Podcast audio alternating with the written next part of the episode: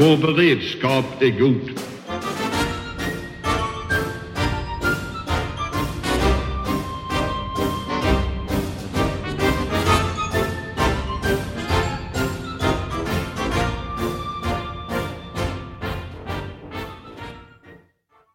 Hej och välkomna till Höjd beredskap, en podd från Aftonbladet Ledare. Och vi som är med i dagens avsnitt är eh, Amanda, Amanda Wollstad, Svensk Tidskrift nerifrån Skåne. Patrik, som lystrar till efternamnet Oksanen och är Senior Fellow på Tankesmedjan Fri Värld. och Johan. Och Johan Victorin, VD för bolaget Intil. och jag, Anders Lindberg, som är politisk chefredaktör på Aftonbladet. Och idag tänkte vi prata om Belarus och den utveckling som har skett den senaste veckan Eh, med eh, den här flygkapningen som Alexander Lukasjenko, presidenten, har genomfört. Men även lite tillbaka i tiden. Och som gäst idag så har vi en eh, belarusisk journalist, Hanna Ljublakova, som är dels journalist från Belarus och har rest runt mycket i landet och även en, en non-resident fellow på den amerikanska tankesmedjan Atlantic Council. Och vi börjar att gå direkt till henne.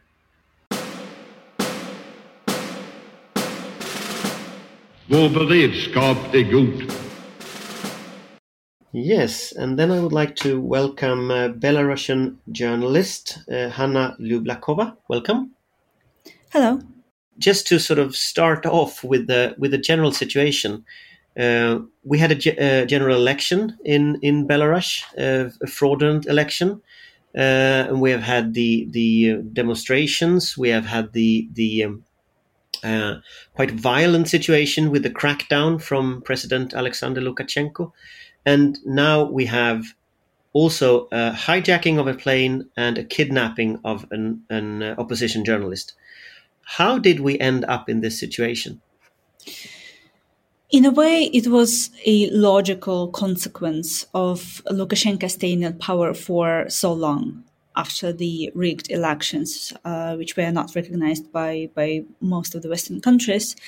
Um, so in August, when the results of the poll were announced and people came out to the streets um, massively, basically all across the country, the police reacted very violently. Uh, many people were detained and people were tortured. Protesters were killed, and it, it caused even more anger from protesters. So when we uh, when they realized because there was no internet and when this information reached the, the majority of the country, um, basically the society rose up. And then those hundreds of thousands of people on the streets, which we saw in August, it continued throughout the whole uh, autumn, basically. And it really frightened the regime. Lukashenko clearly understood that he lost support, that he's not uh, kind of welcomed by the people, and that people want change. I think for the first time he saw, and the society, Belarusians also saw, that the majority of them are now against Lukashenko and they want him to go. And this understanding provoked him provoked him to use even more force against people. So all these um, rallies that uh, were taking place in, in the fall, then the regime kind of started reacting really, um, again, in a violent way, and people were forced to. Many people were forced to flee. People were detained. Since August, we have 35,000 people who uh, who were detained. There are thousands of criminal cases. Hundreds of people are recognized as political prisoners, and their number is constantly growing. People are scared, and Lukashenko still feels uncomfortable. He doesn't feel confident about his position, about his power, his rule, and he constantly has to increase the level of fear, the level of repressions. Only last week, the largest media outlet was practically demolished. Journalists and its editor in chief were uh, detained. Um, then a political prisoner died in prison. Um, apparently, he had um, his heart stopped, but his wife says he didn't have any heart issues. And then the plane. So if you look at this in the context of what was happening, you would see that this is escalation. the whole situation um, has been worsening. So that's how we ended up uh, by Lukashenko hijacking a plane because he just needs to neutralize uh, his enemies anywhere in Moscow or in the EU. And that's kind of the mode uh, in which Lukashenko operates this um, paranoia, um, survival mode, I would say, when he has to react, when he feels backed in a corner and he has to escalate. But but uh, in in Sweden we follow the situation in Russia quite well. I think most people are quite aware of the Putin style of, of trying to kill opponents uh, in, in in Russia. Uh, but but hijacking an aeroplane just crossing the Belarusian airspace, it seems to be going taking the whole thing one step further. How how come Lukashenko dares to do this? because he felt impunity for so long. Sanctions that were that were introduced by the EU by the West weren't enough to convince him to change his behavior.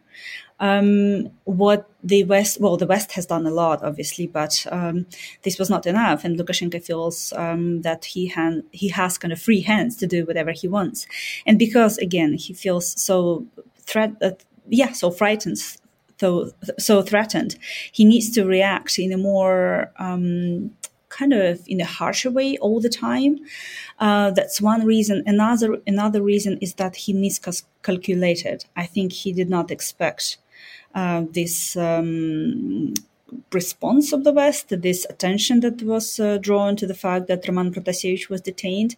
Um, he thought that he would cover up the story that uh, you know uh, people would believe in his version of events that there was a bomb threat on the plane. Um, but because lukashenko lied so many times uh, people inside the country and outside the country did not believe in his words um, at any moment. And also because there were foreigners on board mostly eu citizens lukashenko has suddenly become not only an internal issue but and kind of the issue, the threat to, to the region, to the regional security, and perhaps to the continent as well. Um, and that's something that we can see kind of the, his reaction. Now he's trying to present this as him saving Europe and kind of saving people because he um, tried, he, he helped this plane land in Minsk because of this explosive uh, on board, which uh, turned out to be false. So they are now kind of trying to yeah uh, find a cover for the story. And it looks even more um, um, paranoid in a way because now the regime was blaming hamas for for its involvement, and Hamas had to deny it. So it all kind of this. The, what's happening now is like a caricature anyway. But I'm really worried about Roman and his health and his safety in prison. So um, otherwise, it would have been um, it would have looked like a movie uh, because it's such an incredible, unbelievable story. Uh, but because people are involved and kind of uh, their lives and freedom and, and health is being under threat. Um, more reaction, more response should follow. What what will happen, do you think, to, to Roman Protasevich and his girlfriend Sofia Sapega now? We have heard that they're in, in detention. We've heard their lawyers are not able to contact them. But what will happen? What happens typically in, in a in a Belarusian prison? What happens typically in, Belarus, in, in Belarusian prisons um, should be called lawlessness. Uh, there are reported uh, identified cases of torture. People were raped in prisons, both men and women. Um, last week, a political prisoner died, and I I saw a video of him being in a cell, and he was in a really bad shape. The question is, how did he get to this shape when he couldn't stand on his feet? And um, the video showed him lying on the um, on the prisoners, um, kind of on the cell's ground, and uh, he basically he was not even given kind of any medical assistance, right? So there are many questions why he died, and unfortunately, more can can can, can kind of happen. More um, might f- follow this, right? Uh, um, people are well denied medical assistance. They are really uh, in sorry. They remain in bad conditions in prison. They don't have any fresh air. Food there is really kind of bad quality. Um, COVID 19 is being rotated. Uh, per, purposefully among prisoners. Um, so people kind of complain about um, bleach being used like um, that the water was um, with bleach was poured into prisoners into cells um, so that people could not even breathe. So there are so many kind of issues to mention uh, about prisons right and, and, the conditions there. Um, now, Roman. So, Roman has at least three criminal cases initiated against him. That's what we know, and that's something that was kind of known before. He is on the KGB prison, um, terrorist list, um, which um, also kind of raises concerns whether this might be another criminal case uh, related to, well, potentially to criminal acti- uh, to terrorist activities.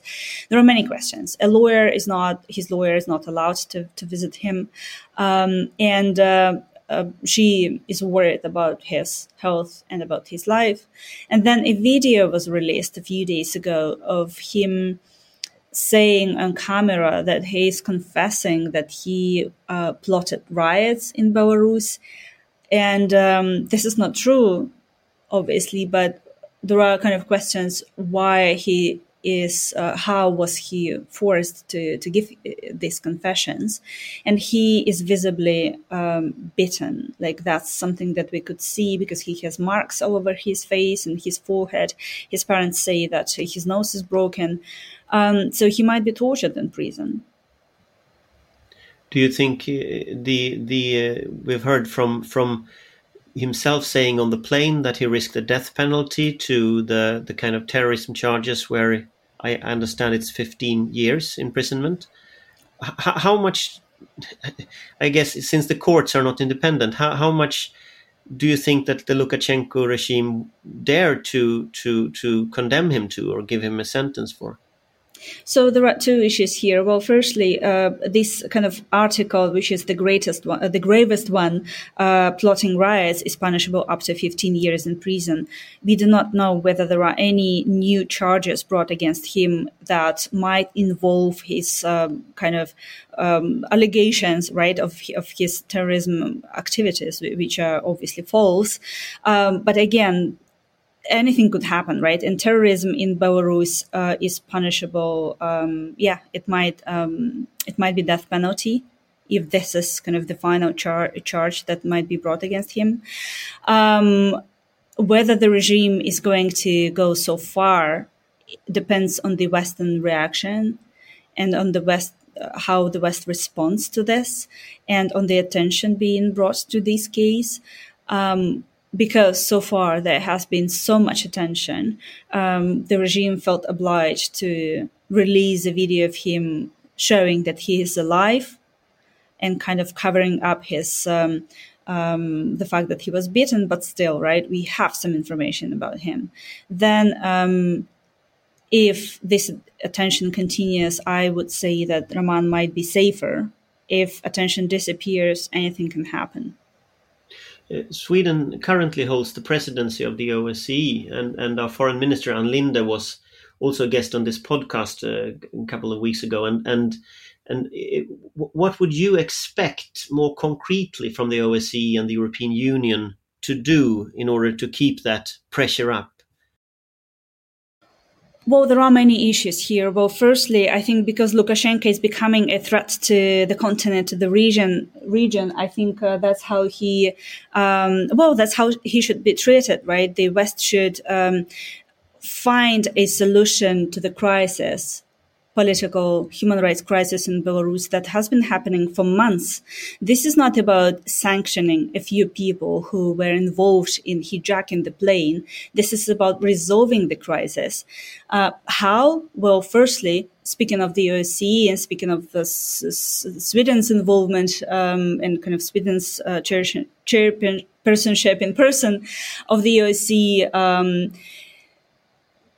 because the EU did not recognize the election results in August, uh, new elections should be held as soon as possible, free and fair presidential elections. How should we get to this stage? Uh, by negotiations. Sweden should be more um, active here, and the OSCE should serve as a platform for negotiations and kind of um, preliminary consultations held before that, um, then the EU should firmly and publicly maintain the non-recognition policy of Lukashenko.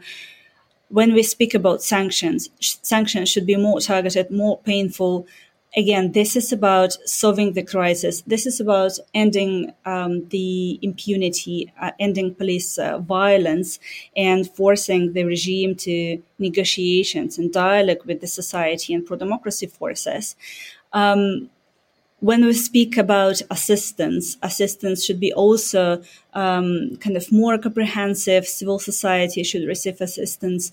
The victims of repressions, pro democracy movement, all these measures are needed, but because this should be a comprehensive, well thought strategy that is not going to react only to this incident, but to um, force the regime to agree to negotiations um, and then elections organized as soon as possible this year. So this is kind of um, this should be a really um, a complex approach to, to the to, to the crisis in Belarus, and Belarus should become a priority. Uh, one one question many people have asked themselves during the after the the fraudulent elections was if if the Belarusian people how to help the Belarusian people, but not create a, an image that this is a kind of a foreign endeavor, that that it's it's foreign power is sort of meddling in Belarusian affairs. How do you think that West can sort of help the the democracy movement, but without endangering like people? in, in, in the process. Is that possible? Anything what the West is doing might be um, called um, you know, the uh, by the regime and might be considered the by the regime as the involvement of the West in internal Belarusian issues. But if we see how Lukashenko reacted to the protest, basically in the first week he called Putin and he asked Putin for support, military support, financial support, political support, even moral support. So he is the one who is actually involving a foreign state into the uh, solution of the Belarusian crisis, right? Into helping him uh, to stay in power, um, the West is reacting to uh, to human rights abuse, abuses that uh, have been taking place, that have uh, kind of uh, taken place in uh, August, but but it's a, it's an ongoing crisis anyway. So. Um, standing up for human rights is not interference uh, the West is just helping civil society, is helping um, this crisis to be resolved in Belarus. This is not about um, the West influencing situation because, well, in the end of the day, this is up to Belarusian people to um, to how they uh, respond and whether they agree to um, kind of see Lukashenko in power. And I think they have definitely said in August and in the following months after August that they are against Lukashenko, that they want him to go. Now the majority wants change, but the level of repressions is so immense that people are scared and people cannot protest, cannot come out to the streets and kind of express their will. They cannot vote because the elections are rigged. So what else do they have? that's a question for the West, I think, and the West well should help them. How much do you think that Russia is involved in the in the hijacking of the plane and the kidnapping? Uh... Well, that's a question for investigators, and I think that's something that should be investigated. Um, I can I, I can only speculate here, but what I know for sure is that Putin has been supporting Lukashenko for all these years, for decades, and for um, especially in the past months. If not for Putin, who knows whether Lukashenko would be still in power?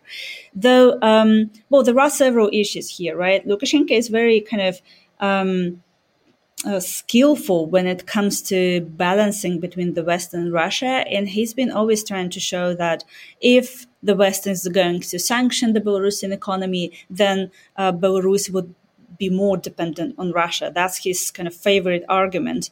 Um, but he's the one who has always been pro Russian. He's the one who made Belarusian economy dependent on Russia. Um, so now the question is to what extent Moscow is prepared to prop up Lukashenko, including financially. To me, it is unclear. The more costly this friendship, this support of the of Russia towards uh, to Lukashenko becomes, the more um, Russia is accused of involvement in the actions of uh, Lukashenko, the actions of the Belarusian regime, the louder the voices critical of Lukashenko uh, would be heard within the Russian elite. G- given your experience of the, this this uh, Lukashenko Putin relationships that's been going on for 20 years now more than 20 years. What would you, how do you, how far would you think that Putin can go in order to preserve uh, his grip on, on uh, Belarus? I think, well, Putin is definitely, well, Putin is not, let me, Putin is not a big fan of um, Alexander Lukashenko. I think that's uh, that's clear, and he has been supporting him because he doesn't see any alternative. He's scared of the opposition because, well, firstly, the regime in Belarus cannot change because of street protests. That's very uh, dangerous for uh, for Russians. Yes. For D- dangerous precedent for for Putin.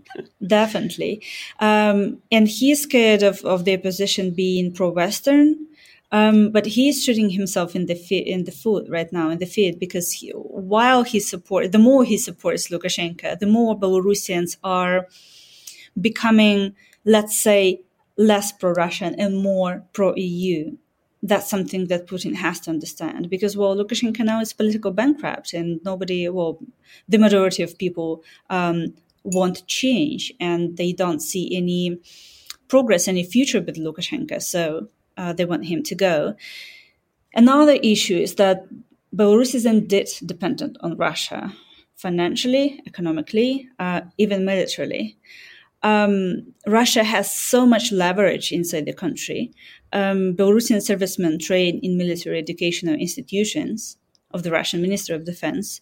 There are joint military exercises. Um, our intelligence collaborate on a regular basis. Um, so we kind of share intelligence with Russians. Our airspace and border um, are being uh, controlled, you know, by this union state, right? So this is kind of in, in the con- in the agreement of the union state. Um, and uh, Putin has been the only leader who Lukashenko um, has been basically uh, communicating with on a regular basis. Um, so that's how, um, like Putin, Lukashenko seems to be completely isolated, and that's something that Putin is how is happy to use. He wants to see Lukashenko weakened and under a total control, and I think that's the perfect actually state of affairs for for Moscow. But again, that's um, that remains a question whether Putin uh, would be would support him and for how long, because well again, Lukashenko lost support inside Belarus, and it's very dangerous. Oh, sorry, it's very expensive to um, to preserve the status quo, to kind of um, have all his security forces repressing citizens for so long. Do, do you think that Putin might try to find a new leader for Belarus with the tensions within the Belarusian elite, or, or how do you think Putin will, will handle the situation? The question is who Putin is going to uh, find, because well, the the way uh, in the past years we've been observing the increased Russian presence inside, well, in a political field, in a political sphere, I would say. Russia tried to establish a network of uh, media outlets, of social media channels, uh, being kind of completely pro Russian and promoting this Russian view inside the country. But those regional uh, kind of outlets, channels remained mostly marginal. So here, Russia was not successful. Now, Russia is trying to build political capital they tried to like there was this idea of establishing a pro-russian party in belarus uh, but that's not something that lukashenko allowed because lukashenko completely understands that um, that's something that he would not be able to control at the same time even if this even if, if this pro-russian party would have been registered because it was denied registration the leader of it is so marginal it's really hard for me to believe that uh, he's, um, this man would be able to build a political capital. Now we have this uh, constitutional reform, and that's something that Russia is definitely interested in, um, because that's something that well the Kremlin has been promoting and has been expecting from from Lukashenko. Um, at first, Lukashenko had to agree, but now Lukashenko is trying to kind of distance himself from this, uh, because that's uh, this constitutional reform would weaken his power and uh, mm, kind of transfer some of his power to the parliament. And for Russia, that's the best case scenario having a stronger parliament where um, a pro-Russian party or pro-Russian MPs would be uh, more, you know, would become more significant. How do you how do you see the, the development of the democracy movement after the the, the kidnapping and, and this whole situation that that uh, are now. It's been speculated whether this sort of weakens the democracy movement, whether Lukashenko is trying to show that no one is safe anywhere as a dissident. Uh, what do you think? Is this strengthening or weakening the, the democracy movement? Um, I think it's both. Well, firstly, I'm confident that no now anyone can feel safe and that's definitely something that affects us uh, that affects journalists that affects bloggers activists and pro-democracy leaders. The same could have happened to any representative of the pro-democracy forces and activists being based abroad. So people are not safe inside the country people are not safe outside the country either. Around one month ago deputy minister of, In- of interior Mykolai Karpenko threatened the opposition that they would be found um, that anyone anywhere can be can be found and arrested and um, and um, you know put in prison basically because that's what he said. He they want to make the world safer. So that was a um, direct threat i would say and the rest of Roman was a signal that nobody is safe. At the same time um, Lukashenko, well, while Lukashenko tries to show that he's almighty, um, he really showed how weak he feels.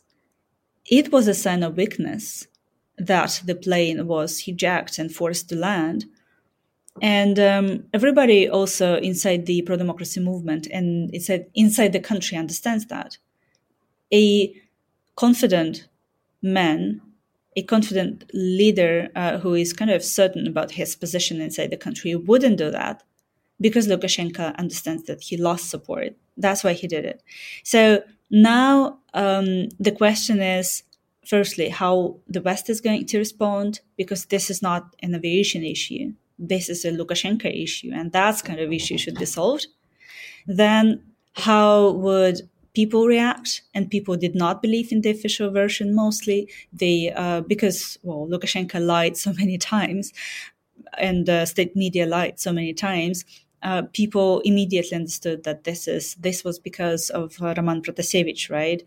Um, and uh, the question is about opposition, right? About the pro-democracy movement. How are they going to use the momentum, um, and uh, how would they uh, kind of engage with the West and um, urge the West to take uh, more tangible steps. If you, as, as a last question, if, if you, about the future, if, if we speak, if you and I would speak in three years, uh, would Alexander Lukashenko still be president of Belarus?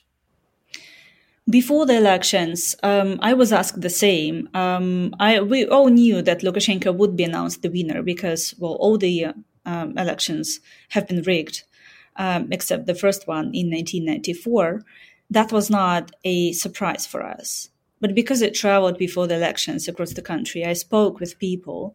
And even before the, before August, before the elections, I understood that the society has evolved and the society wants change and the society wants uh, Lukashenko to go for so many reasons because of poor economy, because of mismanagement, because of Lukashenko's disrespectful attitude towards people, because of his attitudes towards women and during the pandemic, um, for so many reasons. It's really hard for him and it would have been hard for him to appease voters when they are so angry and I knew that this term, if even if he, um, you know, would have been announced the winner, is not going to, to be comfortable for him. And then all this violence happened. And now the the Rus kind of there is no room for people to agree for him staying in power. Like they want him to go because they're disgusted with him because of moral values, ethical values. This is not only about Lukashenko or his like uh, their salaries, people's salaries, not only about the economy. This is about something much more profound, something much more, something deeper, right? And this is not going to change. So, how long is Lukashenko going to maintain the status quo? Again, this is very expensive, right? Because the only reason why he stays in power is these repressions and obviously the support of Russia. Um, and um, I think the system is going to be ruined immediately when he wouldn't be able to pay law enforcement and when Russia stops supporting him.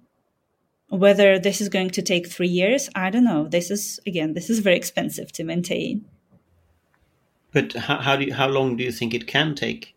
If if you give give give uh, if you if you see any reason for hope in this, what what are the reasons for hope? How long do you think do you think it can take? I'm not able to give any deadline here. Um, and this is impossible, obviously, for anyone. These would be only speculations. But because the majority won't change, because the society, um, there are so many change, like the society has evolved so immensely. You would not kind of change that anymore. And Lukashenko is not able to bring people's love with police buttons with repressions, with jail. Um, so so this is kind of this is not going to change, right? So we have to. He is he is a political bankrupt. He already lost. That's the point, and it now again up to um, also the West to help resolve this crisis. And I would ask this question. Um, um, the EU or Sweden or the OSCE, you know, what else can be done on their side? Because now um, the US and EU countries should kind of collaborate together to help resolve the crisis in Belarus. We, we will try to do our best to raise opinion for, for that. Thank you very much for speaking with us. Thank you. Vår beredskap är god. Ja, eh, då kan vi gå tillbaka till panelen här. Eh, funderingar när ni, när ni lyssnar på vad hon har att säga. Ska vi börja med Patrik? Nej, men jag tycker att eh, Hanna eh, är väldigt lyssningsvärd och eh, hon ger ju en väldigt bra, djup beskrivning av eh, vad som har skett i, i Belarus och situationen för oppositionen och vilken press som, som utövas av Lukasjenko-regimen eh, på medborgare och, vad man kan råka illa ut. Så att eh, det är väl min reflektion att det här, det här hoppas jag att väldigt många lyssnar på för att det är ett väldigt viktigt vittnesmål om vad pågår i Europa idag. Mm. Johan? Ja, jag har ungefär samma känsla. Jag fäster mig lite grann. Jag tycker att hon beskriver en sån här kontrollerad eskalation av regimen faktiskt. Eh, det är klart att de var i gungning där framförallt i augusti men jag får ändå bilden av att regimen har övertaget eh, och har haft så under en lång tid för att eh, sätta in instrument. Vi får inte glömma här att de, de har ju lite att lära sig av när det gäller, vi har pratat om det någon gång innan med den ryska uppbyggnaden av repression som har pågått nu i det senaste decenniet faktiskt, till och med med ett eget nytt nationalgard och så vidare det är klart att man får en del, del kunskaper därifrån. Eh, vi vet ju att, eh, att eh, Ryssland hjälpte till så att säga att förstärka den statliga nyhetsförmedlingen etc. Så att det känns, även om, om vi här i väst vill att Belarus ska utveckla sin demokratisk riktning så tycker jag ändå att det framskymtade att regimen ändå har rätt bra kontroll. Ja. Amanda?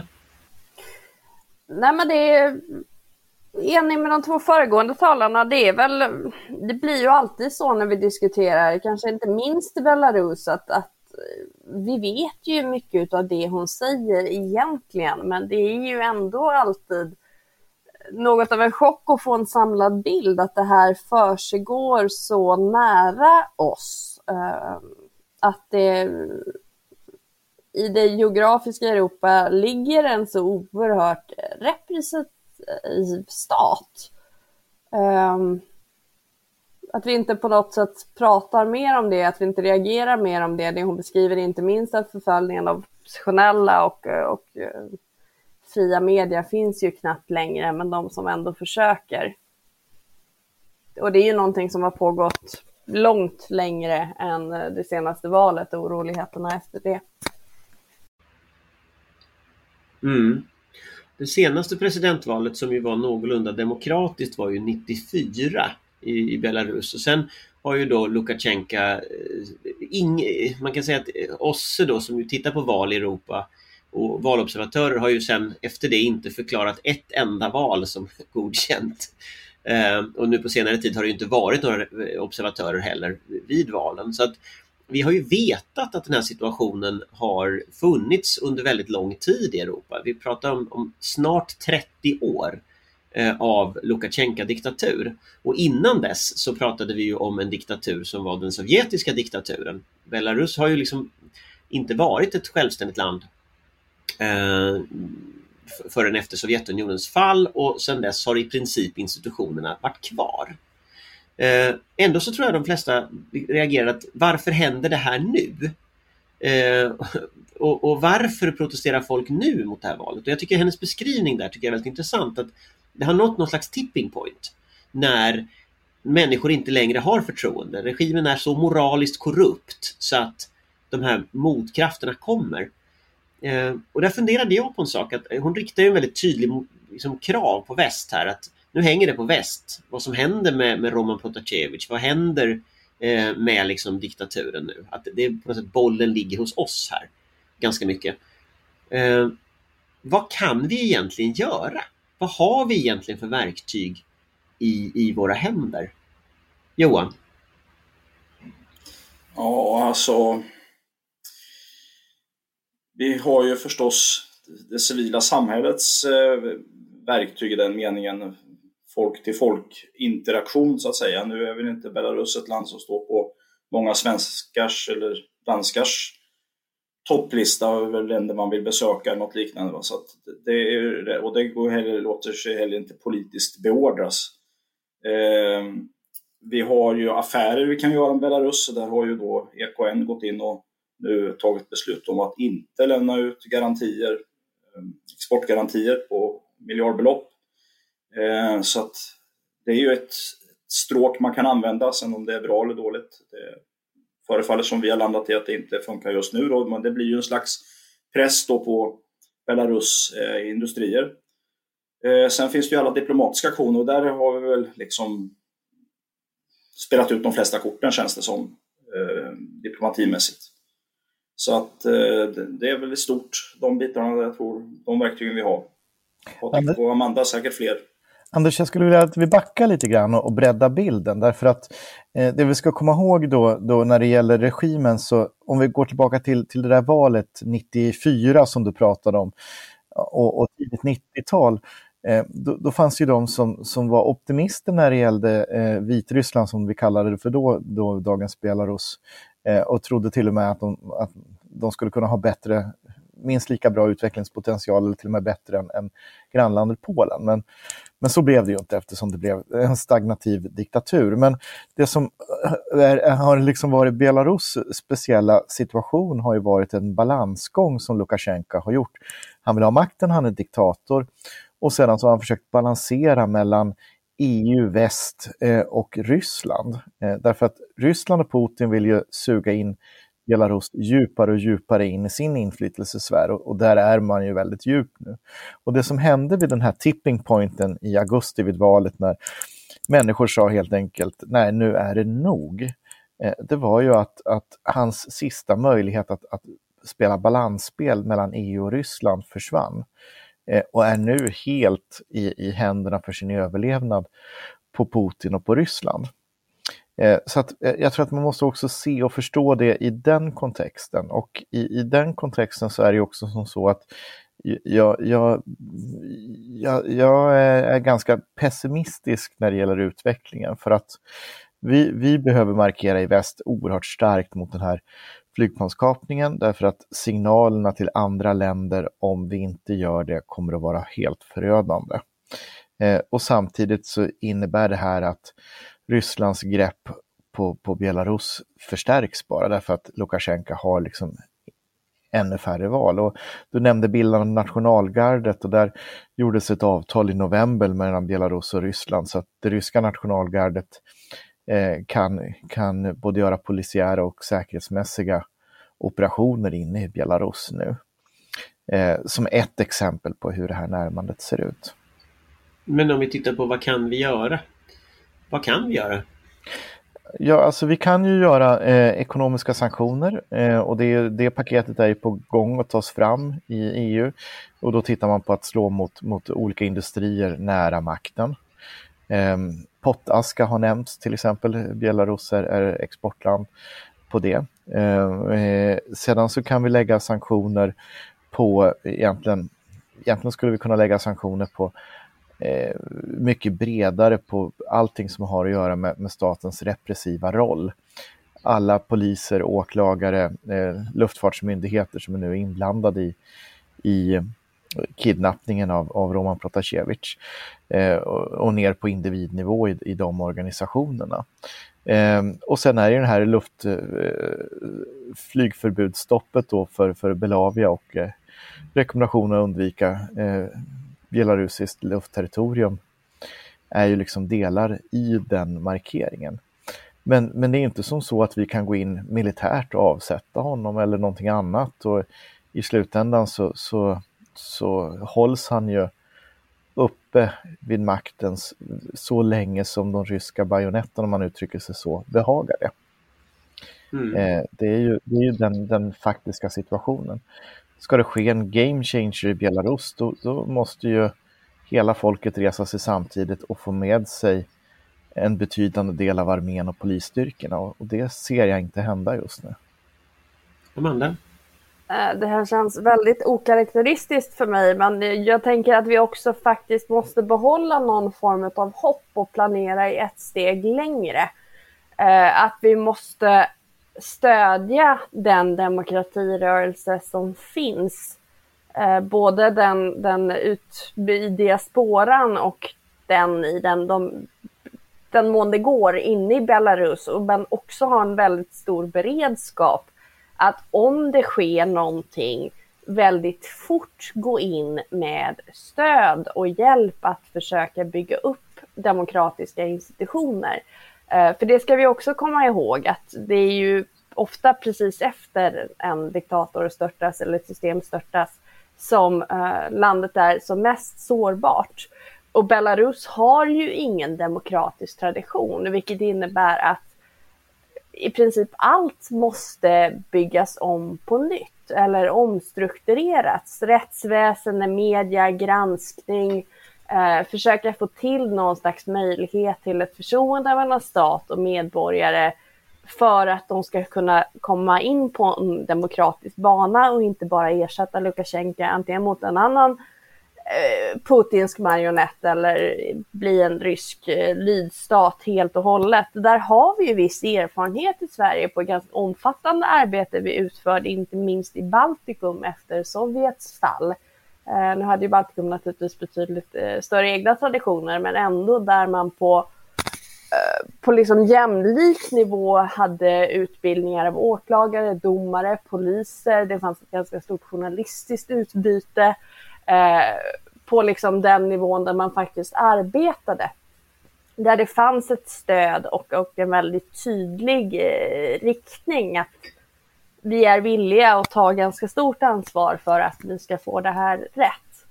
Så jag tror att vi måste vara förberedda på det. Jag tror också att vi måste och där pratar vi saker som eh, visumkrav, möjlighet att eh, kostnadsfritt studera på universitet i Europa för eh, vitryska oppositionella ungdomar som inte tillåts studera i hemlandet.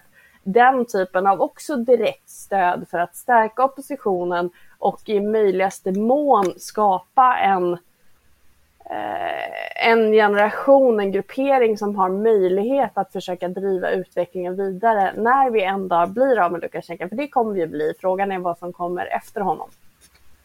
Jag, jag funderar lite på, jag, i, i, tidigare liv när jag var aktiv i SSU, då hade vi väldigt mycket samarbete med eh, just oppositionella i olika länder och ganska handgripligt sådant med att flytta över pengar och, och eh, datorer var det ju och liksom den typen av saker. Ganska handgriplig bistånd och det, det, där finns ju inom det svenska civilsamhället ganska väl utvecklat. Jag, jag hade ju då att göra med Olof Palmes internationella centrum i den rollen. Eh, och de olika politiska familjerna har ju motsvarande eh, institutioner. Jarl Hjalmarsson finns ju för, för Moderaterna och SILK för Liberalerna och så vidare. Har också ett väldigt utbrett eh, samarbete med, med Belarus och har haft ja. under väldigt många år. Och där finns ju ett väldigt, och då hade vi ju kontakt bland annat i Belarus med, med oppositionen redan då. Eh, vi var väldigt aktiva på Balkan och där fyllde vi liksom en liten paraplyfunktion för rätt mycket organisationer. Och, och jag, jag, var rätt mycket i Belgrad och sådär när Milosevic satt. Och det är väldigt intressant att liksom tänka sig att då tänkte man att han var oavsättbar. Det var liksom, man var övertygad om att han skulle sitta för evigt. Men det som hände i liksom det här stödet från, från väst, nu var ju eh, Serbien inte lika slutet som, som Belarus är, men, men det stödet resulterade i den här så kallade bulldozerrevolutionen till slut när folk faktiskt vägrade gå med på det fuskvalet som Milosevic genomförde och faktiskt klarade av att störta honom. Och vi har ju sett motsvarande, vi har sett samhällsrevolutionen om vi går tillbaka i Tjeckoslovakien 89. Vi har haft eh, ja, orangea revolutionen i, i Ukraina som ju fram och tillbaka ändå ledde till en situation där Ukraina blev ett, ett, ett ändå hyfsat demokratiskt land och liksom frikopplade sig från, från Ryssland. Och, och det där är intressant liksom att se att eh, de här färgrevolutionerna som Putin är så rädd för. Eh, det, det, är ju så att har det en gång blivit en frihetsrörelse, en demokratirörelse, så finns ju spåren kvar. Och där tänker jag ju liksom hur kan vi stödja den typen av rörelse? För där tycker jag hon var väldigt tydlig när jag, jag frågade den frågan. Är det så att de kommer att bli utmålade som liksom västliga agenter om vi går in och stödjer dem? Och där sa hon ju rakt upp och ner att ja, jo, så är det naturligtvis, men so what? Liksom, ni måste stödja dem. Eh, därför det är den möjlighet som finns. Johan? Ja, de blir ju utmålade som västliga agenter alldeles oavsett om vi har stött dem eller inte. Men jag tänkte bara säga, jag reagerade lite grann på en sak du sa där med både Milosevic och situationen i Ukraina har ju liksom resulterat i krig först, höll jag på att säga. Så att det var ju inte bara så att... Kriget var väl efter att Milosevic... Eh, kriget var väl innan Milosevic i och för sig eh, avsattes. Det var ju krig innan. Eh, ja, jag menar det alltså. Det krävdes ju ett krig för att han skulle störtas.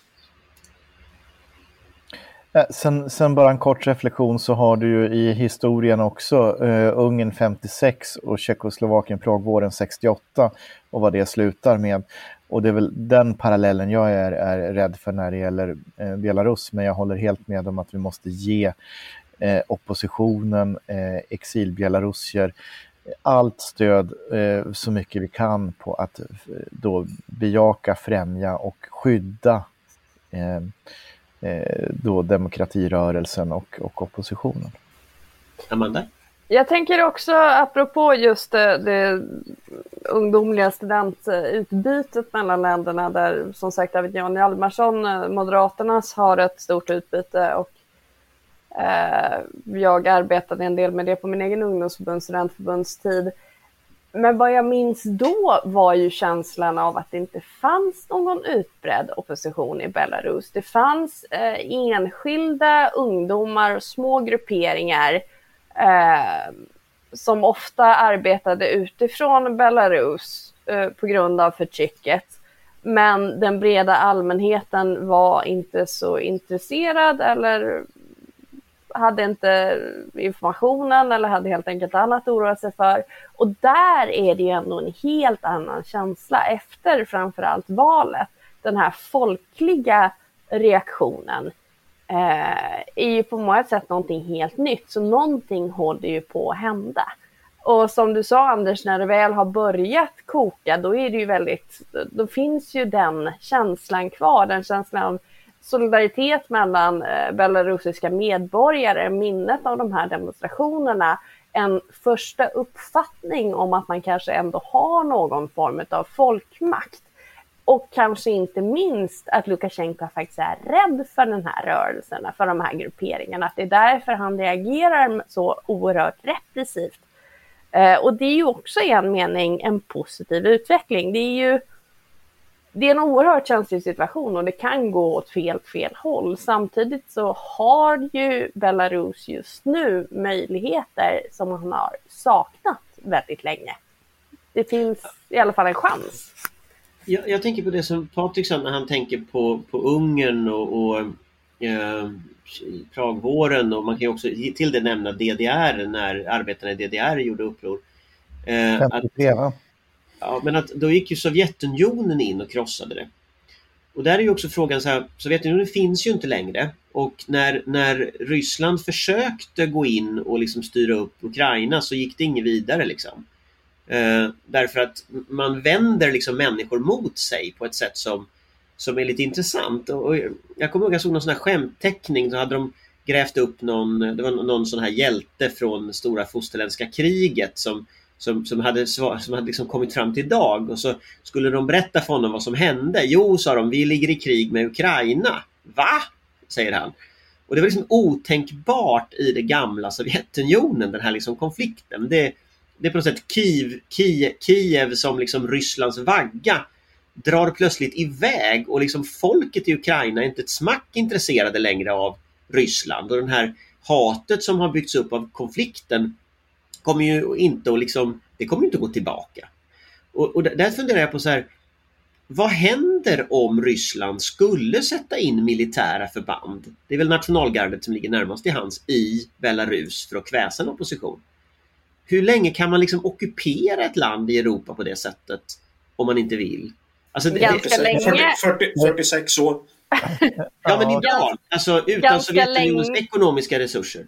Det är inte så att Ganska länge har vi sett i Ukraina. Men, men jag tror att du har helt rätt i analysen att går Ryssland in så kommer de ju, det, det kommer ju bara ses som eh, Lukasjenkos dödsryckningar eller stöd till Lukasjenko. Det kommer inte göra någonting för att eh, svänga den politiska opinionen naturligtvis.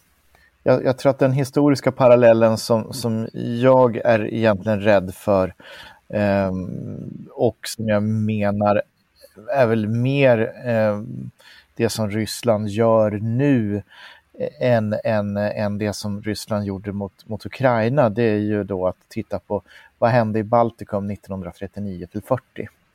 Eh, och det var ju en hybridkrigföring från Sovjetunionen som stegvis eh, åt sönder den, den, de baltiska ländernas suveränitet. De pressades till eftergifter, de fick armébaser på sitt territorium, eh, subversion, propaganda, eh, hot eh, och, och sedan så sommaren 1940 så, så med, i, med bajonett i ryggen så röstar ju de, de baltiska parlamenterna för en anslutning till Sovjetunionen.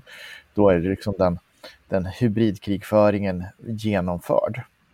Eh, och det är väl det scenariot eh, som, som Eh, jag menar på att man eventuellt kan se nu i Belarus en, en stegvis undergrävande av, av Belarus suveränitet i, förlängningen syftande till en, att, att mergea ihop de här två länderna. Amanda? Men det är lite det jag tänker att det är ett undergrävande av Lukasjenkos suveränitet.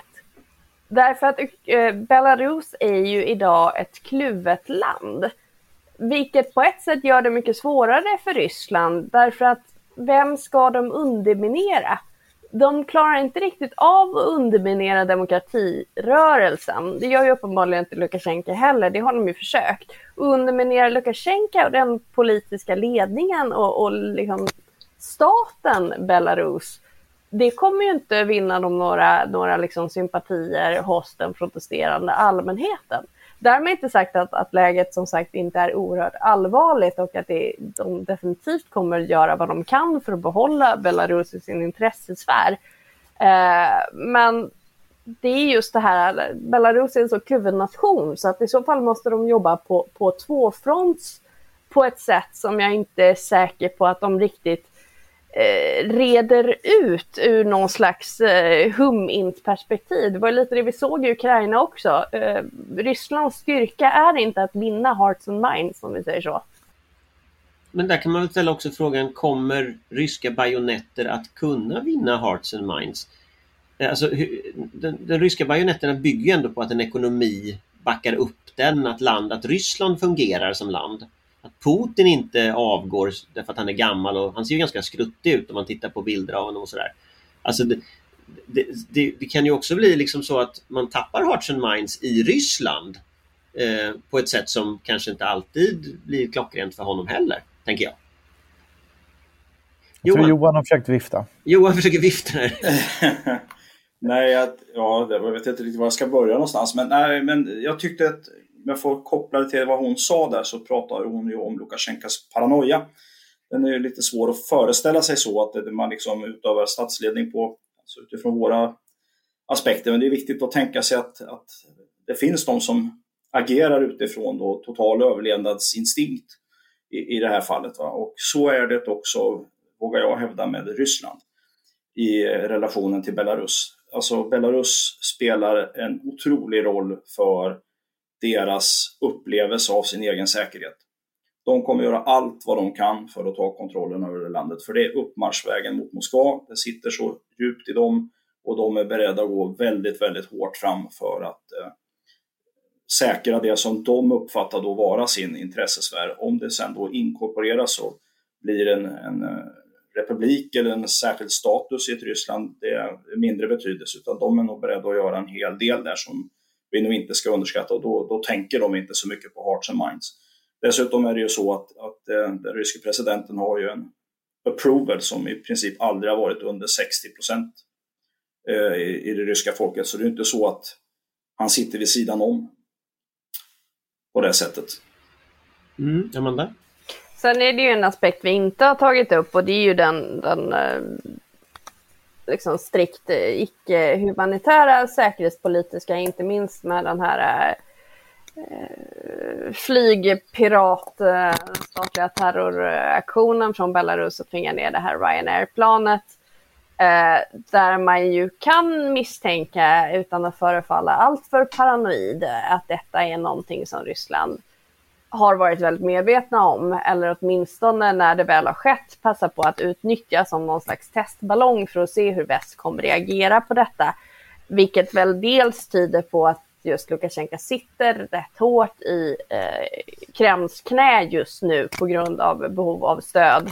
Eh, men också att man är beredd att i viss mån utnyttja Belarus som någon slags testlabb för eh, humanitära överträdelser och överträdelser av eh, internationella konventioner. Eh, därför att det är mycket lättare att skylla på Lukasjenko och då kan man se hur mycket kommer han undan med det så, så kan Ryssland köra på utan att riskera några sanktioner i, i eget fall. Och det är ju också en extremt oroande utveckling, förutom då att det är en extremt oroande utveckling i sig, att, att Lukasjenko oavsett ryskt stöd vågade genomföra en sån här aktion som ju är oerhörd på alla sätt och vis. Johan? Får bara lägga på då en militär aspekt av den här luftrumskonflikten som då pågår om Ryssland är där. Det är ju att det blir minskad insyn. Det, blir liksom, det landar inga västliga plan på, på ryska flygplatser, inte Belarus heller för den delen. Och det ska då läggas med att vi har inget Open Skies-avtal längre. Ryssland har annonserat att de skriver bara på OSSEs förlängning i Ukraina med två månader.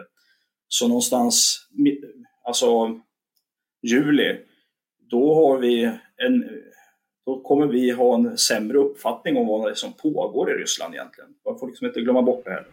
Mm. Och då i den strategiska situationen så, så har vi kvar den militära uppbyggnaden mot Ukrainas gräns till exempel med, med tung materiel. som snabbt då kan bemannas igen. Till exempel, bara för att visa den strategiska eh, osäkerheten vi är inne i.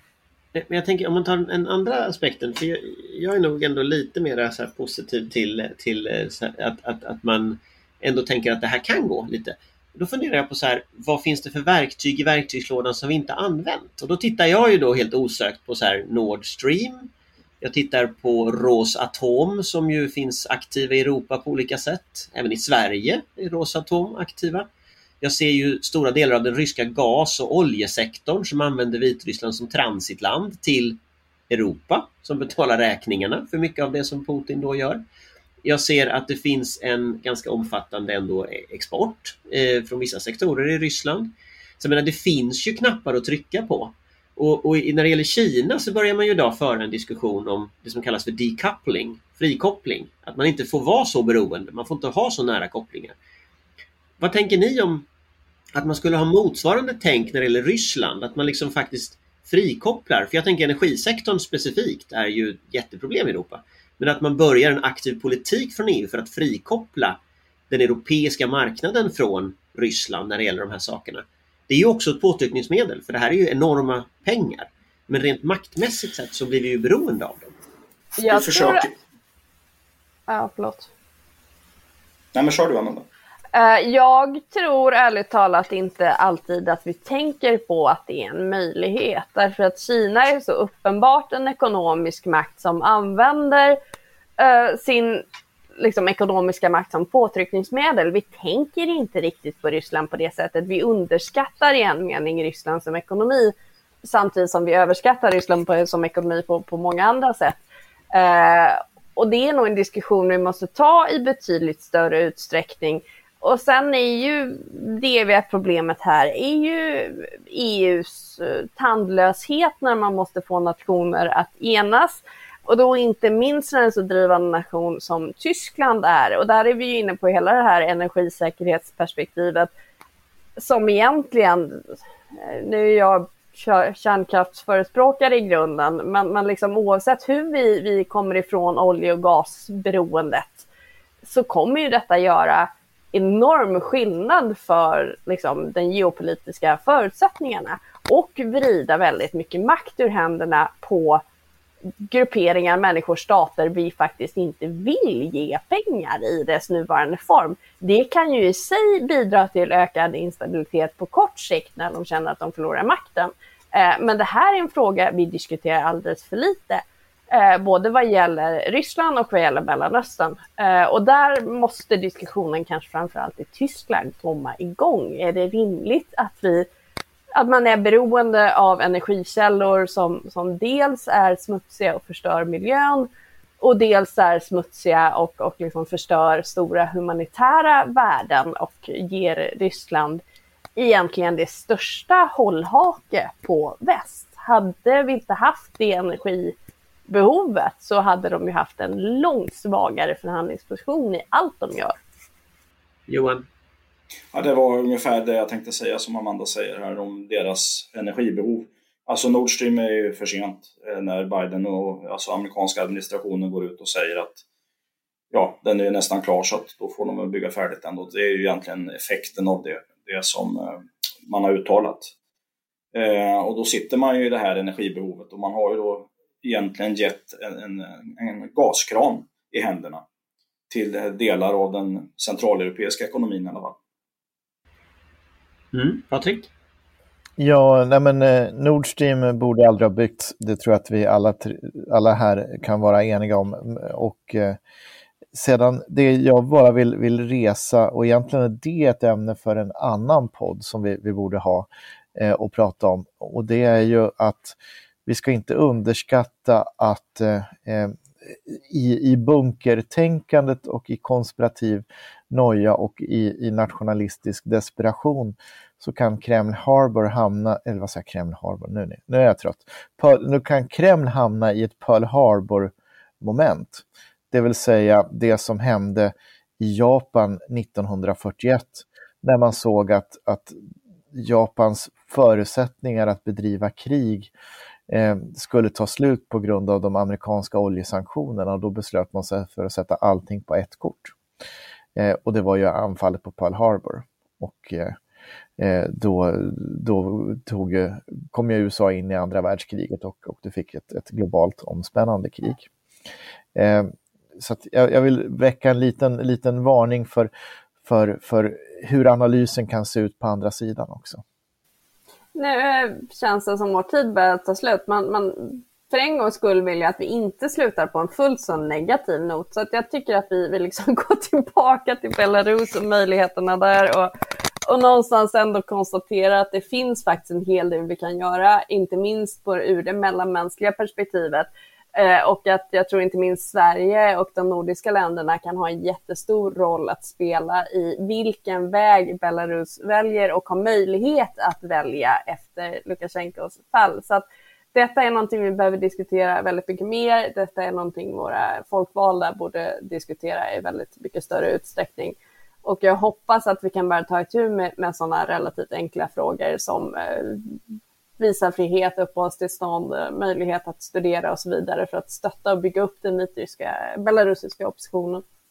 Och där kan man väl som avslutning säga då bara att, att eh, ett uppenbart liksom, område som vi kan jobba med i Europa, det är ju att skydda journalister. Och här ser vi ju just vad som hände med eh, hur, hur, hur, hur oerhört viktig en journalist uppenbarligen var för den belarusiska diktaturen. Eh, visar ju också hur viktigt det är för oss att skydda de röster som finns och som kan ha möjlighet att liksom berätta sanningen om det. För på samma sätt som de upplever det här som ett, ett hot så är det en möjlighet för, för en demokratirörelse. Och där har vi ju någonting som vi uppenbart kan göra, för det där är ju en diaspora. Det är, många har ju flytt från landet. Eh, nu vill Johan ändå säga någonting. Nej, jag tänkte bara säga att vi måste ju också tänka på det här med någon slags defensiv informations... Jag vill inte kalla det för krigföring, men eh, Ryssland säger ju att det är en krigföring. Så eh, om vi accepterar det, att, att göra oss själv ännu mer attraktiva för ungdomar, eh, medelklassen i Belarus som ett alternativ för den krigföring då som pågår mot oss i informationsarenan syftar ju bland annat till att utpeka oss som svaga, som ingenting att ha, för det är liksom dekadent och det blir bara oordning och det är ju det alternativet som de här auktoritära regimerna liksom prövar sig själva emot. Här är det liksom, här är det förutsägbart. Här får du en billig bostad. Pengarna försvinner i någon annans ficka till slut, men det, det, ser i alla fall ut på det sättet och det är lag och ordning på gatorna. Det, det är ju den bilden de försöker sätta och det här borta är det värdelöst. Vi får ställa en stor sån här, eh, Västtyskland hade väl någon sån stor eh, tv-sändare som sände in liksom i, i öst hur trevligt det var i Västtyskland. Vi får sätta upp en sån där sändare i ja, men Man får nog inte glömma bort exempelvis, det är ett bra exempel med Östtyskland och Västtyskland, för man hade en rätt så bra uppfattning i Östtyskland i folket hur det stod till i väst. Den var ju naturligtvis inte hundraprocentigt korrekt så, men man hade ändå en ganska bra bild och man ville dit. Man byggde en mur du får inte glömma bort det liksom. Nej. Det var en, en, en, en konkret idé i alla fall. Så då med de orden så får vi tacka, tacka för idag. Eh, tack och hej så hörs vi om ett, två veckor igen. Hej hej! Hej! Tja tja! Vår beredskap är god.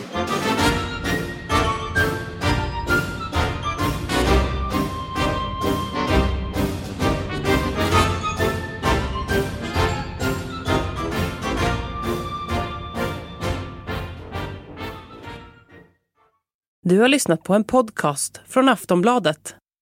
Ansvarig utgivare är Lena K Samuelsson.